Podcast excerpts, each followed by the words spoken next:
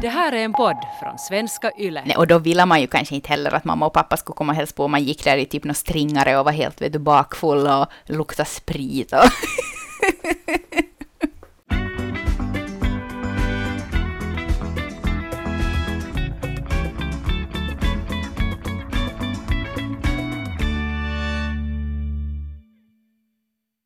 Idag ska vi prata om samspelet till de egna föräldrarna samt till svärföräldrarna efter att man har fått barn. Ett intressant mm. ämne känner jag. Ett intressant och lite så här eh, det känns som att det här är bra forum att ta upp det för att det kan ju vara ganska känsligt också. Det kan vara någonting som man kanske inte sådär annars pratar så det är jätteöppet Nej. om. Som många ämnen som vi tar upp förstås. Men exakt. Med det sagt, välkomna till veckans avsnitt av Föräldrasnack. Det här, nu i veckan så har vi gjort en stor gallup på vår Instagram. Hoppas att ni följer oss där. Föräldrasnack heter vi. Och det är egentligen utifrån den gallupen som vi kommer att basera hela detta avsnitt. Eh, så i det här avsnittet mm. så blir det väldigt mycket lyssnarberättelser. Mm, vilket vi tycker att är så roligt, för att det är så... Det känns, som vi sa i förra podden, tror jag redan, att det känns som att, att det här är liksom vår podd tillsammans med er. Och speciellt när vi får in så otroligt bra gensvar och svar av er så känns det bara självklart att vi måste lyfta så mycket i den här podden mm, speciellt. Mm, precis. Och eh, i den här gallupen så är ni i runda slängar 400 personer som har deltagit. Tack för det! Men Rebecka, när du själv blev förälder, kände, kände du, hur länge tog det innan du liksom kände att du Um, jag, jag känner på något sätt att jag måste som lite bryta mig loss ännu mer från mina egna föräldrar när jag själv blev förälder. Uh, att jag ännu var deras barn, men att det blev lite annorlunda ändå. Mm, ja, så var det nog för mig också. Eller jag hade egentligen en period före jag fick, när jag flyttade upp till Vasa, före jag fick barn, så då hade jag så att just att jag måste bryta mig nog fri ganska mycket. Men just sen när första barnet kom, så det tog nog en tid innan det liksom liksom innan vår relation, speciellt med mamma som jag liksom, hon flyttade upp till Österbotten och sådär. Så innan vi hittade liksom en ny relation, inte en ny relation, men alltså innan den formar sig på ett nytt sätt, för att man är ju fortfarande, jag är ju hennes dotter, men det måste ju, hon blev ju mitt barns mormor. Mm. Så det, var ju, det blir ju liksom som att, att det kanske måste få kännas lite så här obekvämt, inte obekvämt, men att det måste få ta sin tid att hitta liksom en ny form i relationen tycker jag.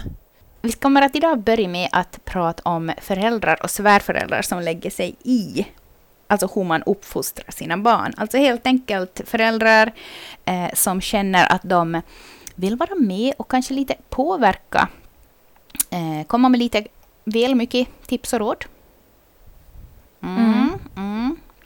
Det här, eh, den första frågan som vi ställde på Instagram, det var, har dina svärföräldrar eller föräldrar någonsin påpekat någonting kring hur ni uppfostrar era barn?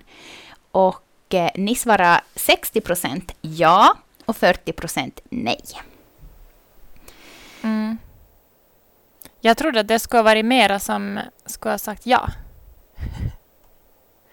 Men det är ju jättebra också att höra kanske, eller ja, det beror ju på. Mm. Ja, vi får, du får, får läsa ja. här nu på kommentarerna så får vi se. får se hur det verkar. Signaturen T har svarat ja och skriver så här. Min svärfar sa emot då jag sa att jag borde sjunga mer för vår tre månader gamla baby. Han tyckte att varken jag eller min man ska säga något sånt, för vi gör vårt bästa och man kan inte göra saker perfekt tre månader in i föräldraskapet. Så för vår del är det bara positiva påpekningar hittills. Och det är ju det är ju sånt där som är roligt att höra. Jo, jag tänkte nu när jag, när jag sa det där insåg jag att jag tänkte mer på sådana, vad heter det, som, alltså som kanske känns påpekande på ett negativt sätt. Men just om det är sådana som positiva och uppmuntrande påpekanden eller liknande, så då är det ju som, kan det också ge som en sån här, vad ska man säga? Ja, men som lite pepp. Alltså en mm. lugnande, mm. ja.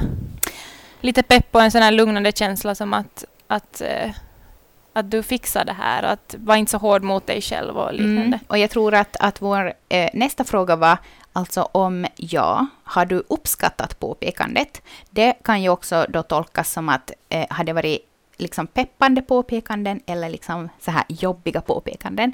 Och 11 procent mm. svarar ja, jag har uppskattat det, medan 89 procent svarar nej. Mm. Det tycker jag talar ganska mycket för. Där kanske det just mera är sådana här påpekanden som... Eller man vet ju själv att alltså folk kan ju slänga ur sig saker som de... Man bara säger det typ och så är man sådär men att, att vad ska jag ens göra med det här påpekandet och det här, du känner inte mitt barn och ditt och datt. Så då känns det ju som att då blir det en negativ påpekning. Mm, precis. Och kanske det också kan vara så ibland att eh, fast man tycker att eh, jag vill inte ha din, dina påpekningar så är det ändå sen då man börjar fundera på det så bara som att okej, okay, kanske det var ändå ganska bra att hon sa det där. Mm.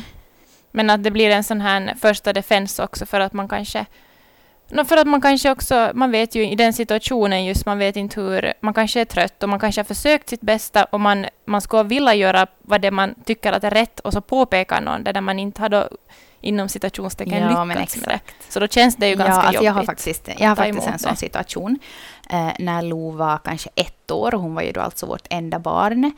Och eh, det var mina syskon, min lilla syster och min stora syster var hos min mammas och jag och Lo. Och de hade då inte några barn äh, ännu. Och så mm. frågade de då om vi skulle fara och gå, tror jag, till Febodaskogen eller någonting. Um, och uh, jag märkte nog att Lo var trött och sådär, men jag skulle som så gärna ha velat vara med. För att jag ville vara med mina systrar. Um, mm. Men så var det någonting då att Lo började eh, ja men hon var ju vet du trött och hon skulle äta och det var vässan och det var det ena med det tredje. Så till slut så, så sa de bara att kanske vi far som själv bara, bara liksom, vi två mm. alltså systrarna. Och så for de och så stod jag där i fönstret och så såg jag på dem då de körde iväg och jag var, vet du, jag ville så gärna fara med. Men så sa jag åt Lo typ att ja, att se nu att nu, nu hann inte vi med nå liksom då allting ska ta så länge. Och då så mm. påpekade min mamma eh, att eh, liksom Karro, hon är ett år. Det var ditt ansvar att göra er färdiga och eh, mm. du vet nog liksom innerst inne att hon var för trött för att vara med. Så att du kan inte säga sådär åt henne.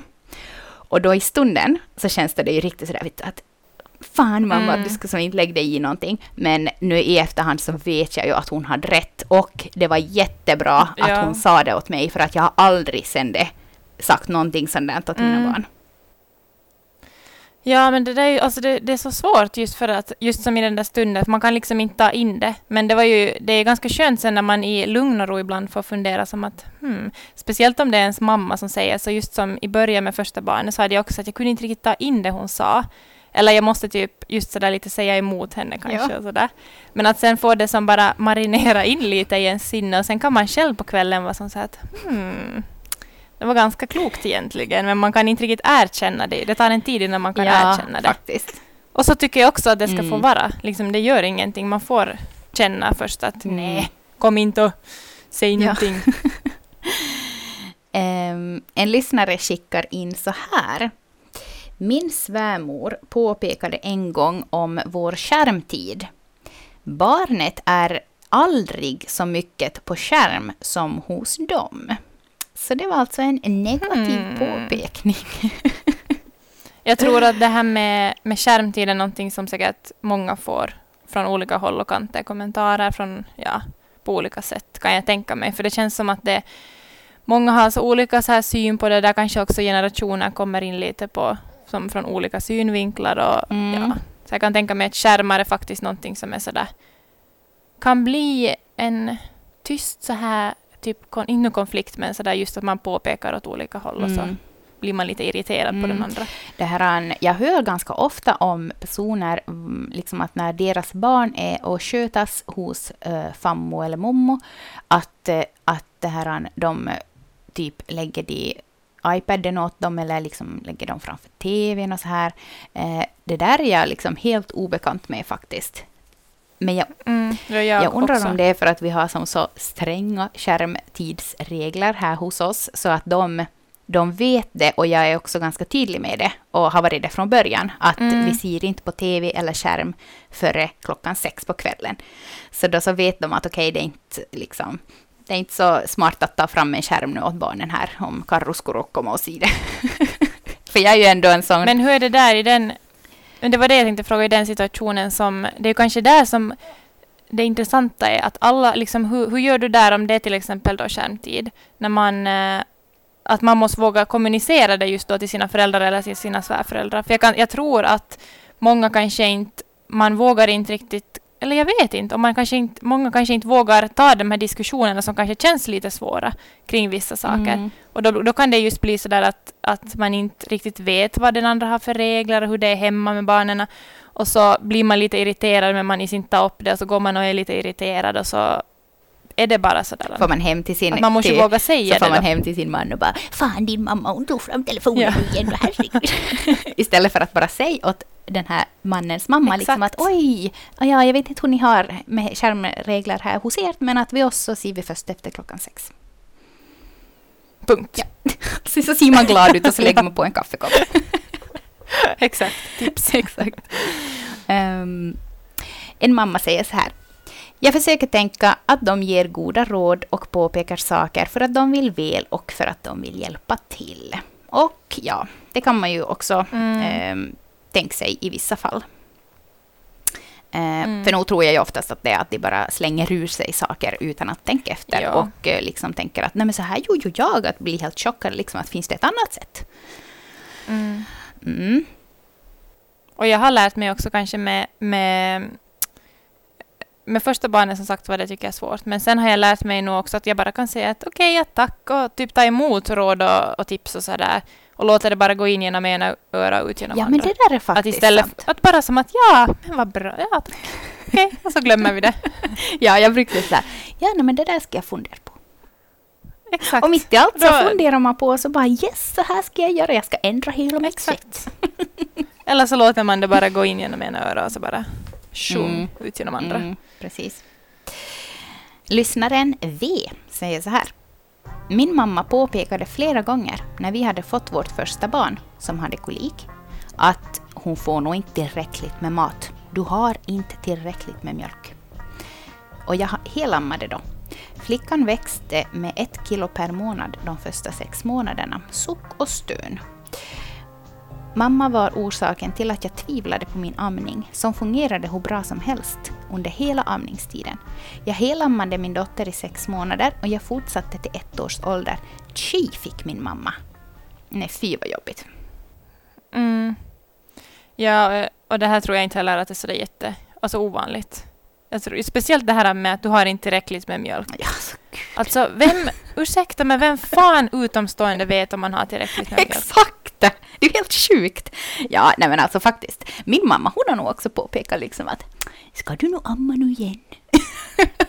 Ja, det är antingen får man höra det där att, att man ammar för ofta, eller sen just att man då inte har någon mjölk, eller att just på, på, påpe, påpekningar kring hur ens babys går upp i vikt, om den är för liten eller för stor. Ja.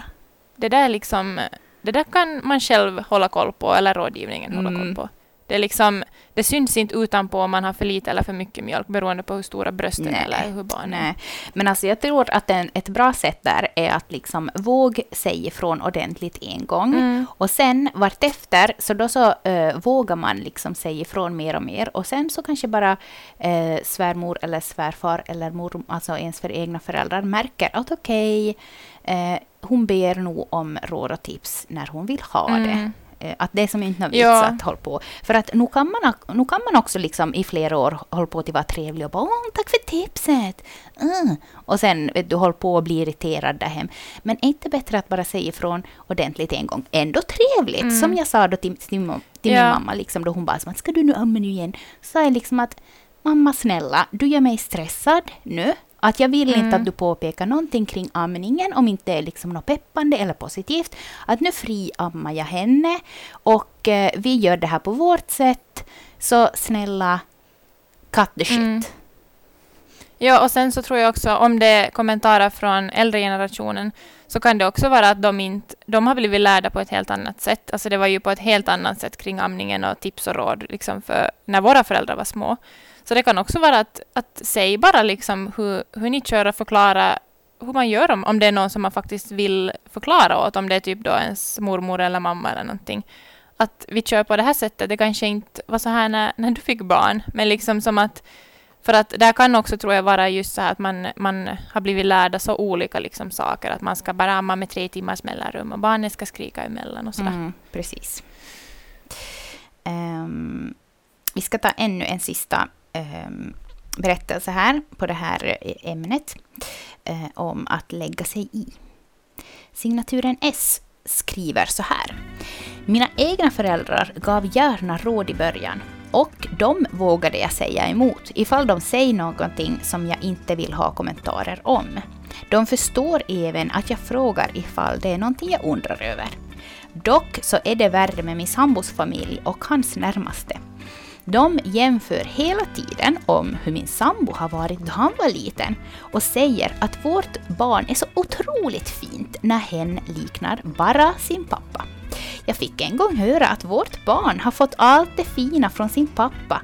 Kanske hen blir lika envis och pluttig som mamma istället. Kanske hon får bara får ärma... Äh, Kanske hon bara får ärva dina öron.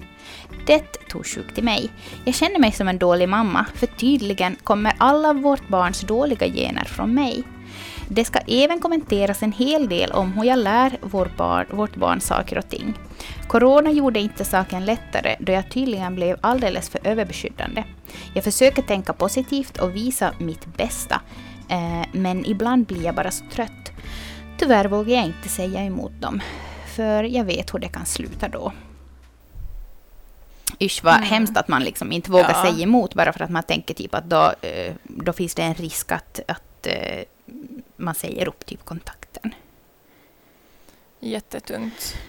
Men det här med att man jämför, jag vet inte, alltså jag hopp, alltså man, jag måste ju som tänka att man på något sätt, jag måste skriva någon sån här note åt mig själv att sen då Björn får någon flickvän, att jag inte, och om de någon gång får Mm. barn, att jag inte bara ska vet du, hålla på och bara så här, åh han liknar sin pappa, åh Björn, ser du att han är en kopia av dig? För att det verkar nog verkligen vara någonting som svärmödrar håller på med. Det här är kanske no, det här är inte riktigt just som det här, men det är lite liknande. Det var mer sådär att när, när Alma föddes, så hon liknar jättemycket Jim, och har nog mest liknat honom. Men speciellt när hon var liten. Så det var liksom alla som sa att hon ser ut som, åh vad hon liknar pappa. Och så till slut var jag, det kändes också så löjligt, att varför, varför blir jag typ lite så här sårad att hon har inte fått någonting av mig? För det var liksom, jag tror, alltså jag vet inte om någon ens sa att hon liknar mig Nej. någonsin. Okej. Men man känner sig så löjlig att vad har det här för skillnad? Inte har det ju någon skillnad. Men, men så jag kan tänka mig att om, om någon sen börjar lyfta liksom så negativa sidor, att ja, så blir det ju som jättekonstigt. Alltså som att alltså hon har fått öronen av mamma. Som att för det första liksom då, är det då, eh, har mamman, har babyn fulla öron? Är det det du sitter och säger? Och liksom att, Det som jag har, jag har börjat säga kan vara typ så här när någon säger att åh, han liknar det här och det här. Ja, vet du, han liknar sig själv också Ja. ganska mycket. Han är nog, han är sig själv. det där är ju en klassiker, det där, det där är bra, det där är alltid bra att säga. Eh, För att det inte, man behöver inte alltid jämföra. nej. Alltså, ibland kan man göra det, men Mm, ja, alla är sig själv. ja. Det här, eh, min syster har ju nu fått en baby eh, och eh, jag sa nog, jag sa åt henne att oj vad hon liknar storebror, men det kanske inte är lika farligt. Eller? Jag har ju också sagt att Valle liknar Thea. Blev du sårad då? Nej, nej, nej, nej, nej, nej. nej såna, jag tänker nog inte på sådana saker. Men mer så här liksom Alltså- just hur det ska... Men det här med att, att det, här är, de här, det här har hon nog fått från det här släktet och det här har hon nog fått från det här släktet. Mm. Alltså, det, alltså jag blir som inte irriterad på det. Jag tycker bara att det kan vara så lite kul. Och det är ganska, par, det är ganska partiskt ofta. Ja, ja, ja, så ja, att Man ja, ser ja. sådana här bra Ja, ja, saker, ja. fast det som... Ja, ja, ja, ja. Nu, nu går vi vidare. nu går vi vidare. Okej.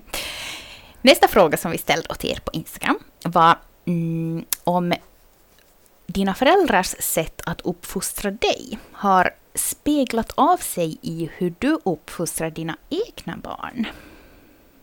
Mm. 78 procent säger ja och 22 procent säger nej. Och det är ju ganska det här eh, talande siffror. Mm.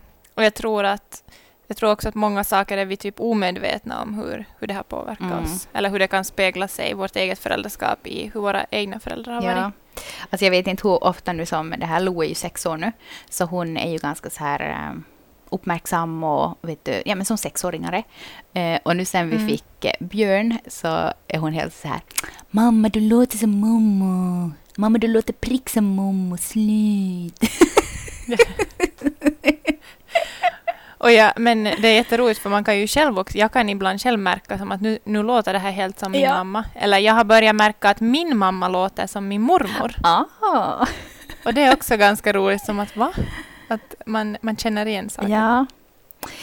Ehm, nu ska vi se här. Vi kan börja med att, ehm, att läsa upp några berättelser som då vi frågar att eh, om det är någonting som du har tänkt att du ska göra annorlunda mot dina egna barn som dina föräldrar gjorde mot dig under uppfostran. J Mm. säger så här.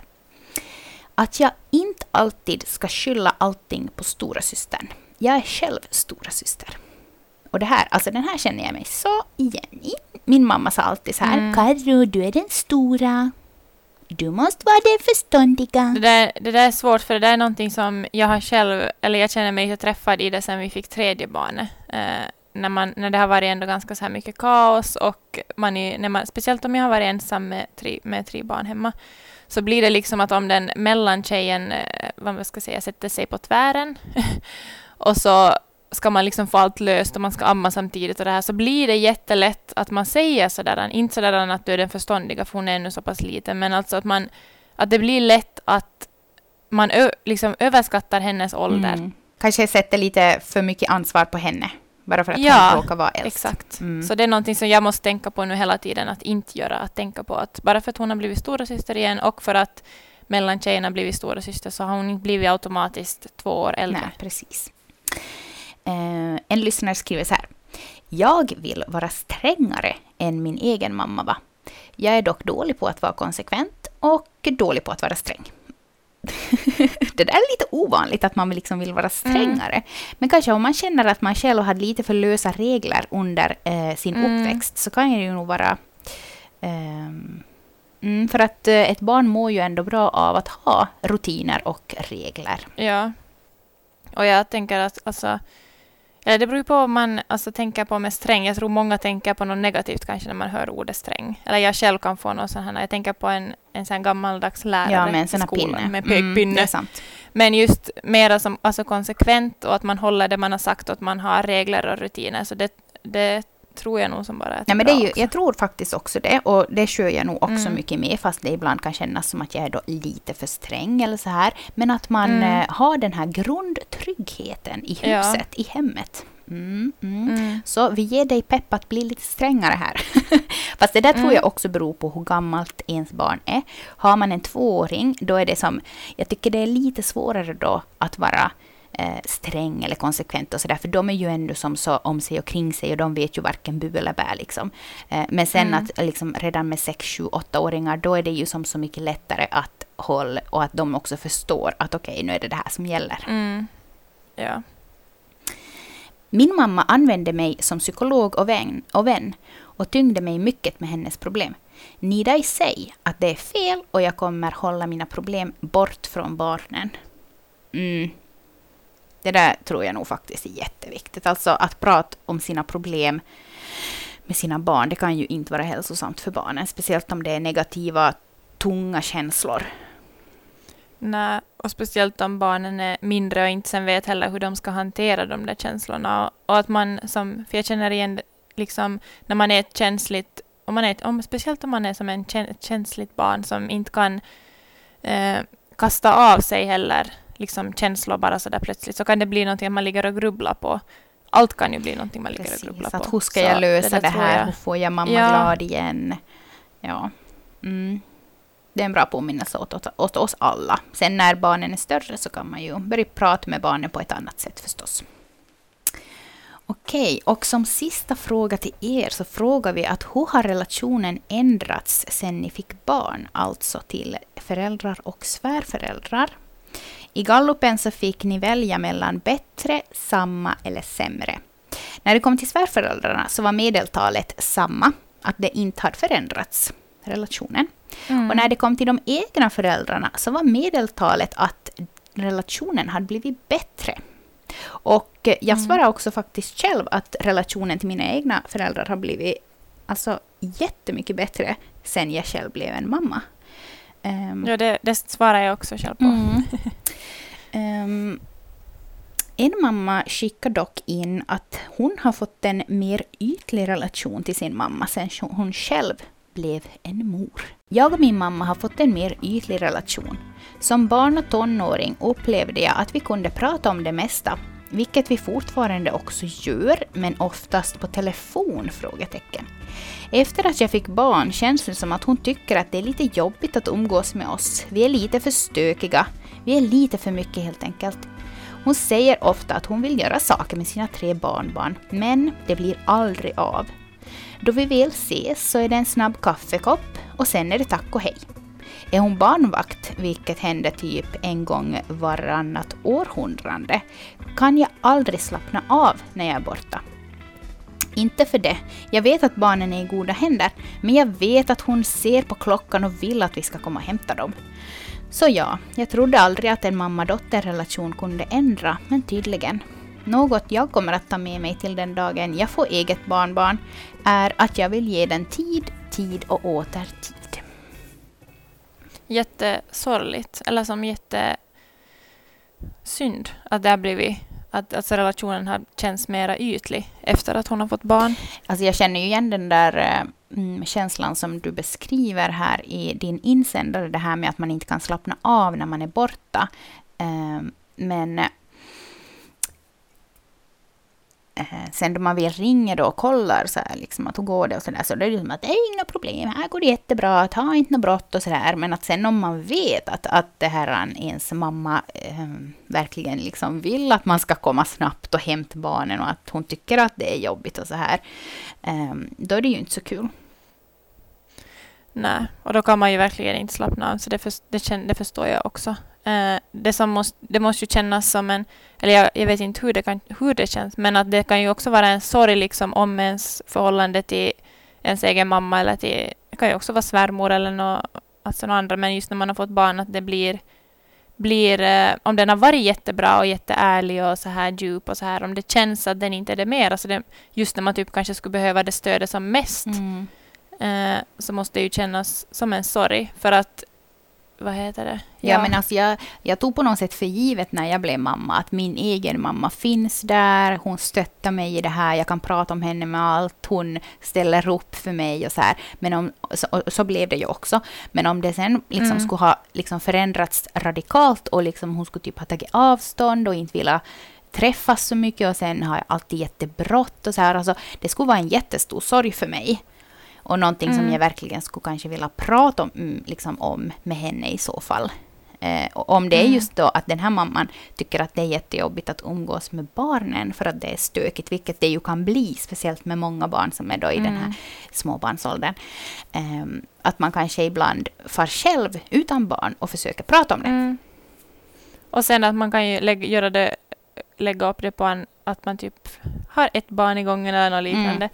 Jag, jag kämpar ju med det typ så här tvärt emot för att jag har, jag är ju, alltså jag är uppvuxen som enda barnet uh, och vi har haft det jätte så här jag har varit jättelugn när jag var liten och vi som har haft det jättelugnt för att jag har varit bara ett barn. Ja. Så det har liksom aldrig vet, varit bråk och kaos och så, på det Nej. sättet.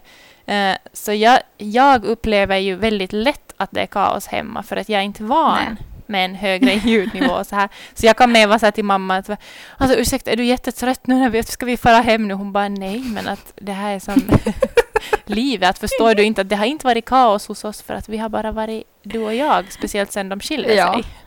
Nej. Mm. Ja men faktiskt. Måste... Ja men alltså jag kan också känna den där pressen liksom att om mina barn har jättemycket ljud och, och håller på och stökar och sådär. Att eh, speciellt min pappa typ får i som så att, att jag tror på något sätt att han får i nerverna, för han fick det när jag var liten. Ja, men det är ju inte alls samma Nej. sak, för det var det som mamma också sa, men att ni är ju här nu, sen får ni hem och då kan jag vila. Ja, att, ja menar, och min pappa brukar ja. också som, medan vi är där, få och vila. ja. Okej. Okay. Um, ehm, nu ska vi se här. Signaturen R skriver vi var ointressanta att umgås med före vi fick barn. Men nu besöker de oss hela tiden. Men det är bara kul. Mm. Det är ju roligt. Jag, kan, jag tror att många känner igen sig i den kanske. Jo, men det tror jag också. Och speciellt, man kanske har levt så, så här, eller som till exempel före vi fick barn, så vi levde ju studieliv. Ja. Inte var det på samma sätt som att mamma och pappa kom och hälsade på då heller. Nej, och då ville man ju kanske inte heller att mamma och pappa Nej, skulle komma och hälsa på. Man gick där i typ någon stringare och var helt vet du, bakfull Ja. och luktade sprit. Och Tack för den här veckan. Det var jätteroligt att ni var så engagerade och eh, alltså skicka in. Alltså, vi, alltså herregud, ni har ju skickat in kanske hundra meddelanden så vi kan ju omöjligt läsa upp allt. Men eh, kanske vi skulle lägga upp ännu några i våra stories Mm. idag då det här avsnittet kommer ut, alltså måndag idag. Det ska vi göra. Mm. Det är skönt att läsa andras för att då man känner igen sig i de flesta. Det känns bara som att okej, jag är inte ensam, jag känner så här eller så därför, därför känns det jätteviktigt att få dela, Mm. dela era historier också. Ehm, Vad ska vi prata om nästa vecka? nästa vecka ska vi prata om... Ba, ba, bam, bam, bam. Bam! Det kommer fram strax. Internet är lite långsamt i Jeppis. Som vanligt. Och nästa vecka så ska vi prata om hur åldersskillnaden mellan syskon påverkar dem. Hur det har påverkat oss. Jag har fyra syskon och du Exakt. är ensam barn. Och Ja. det här eh, hur vi nu ser på åldersskillnaden när vi har tre barn. Mm. Så det här, vi kommer att igen fråga er på Instagram. Och eh, speciellt ni som har väldigt långt mellan era, era barn så vill vi höra av. Så gå gärna in och följ oss på Instagram så kommer ni att märka i vår story när vi tar upp den här eh, ämnet till diskussion. Och sen också Mm. förstås allt annat som vi lägger där. Vi vill ha med alla våra lyssnare på vår Instagram. Mm. Hoppas att ni har en skön sommarvecka så hörs vi Hejdå. igen. Hej då!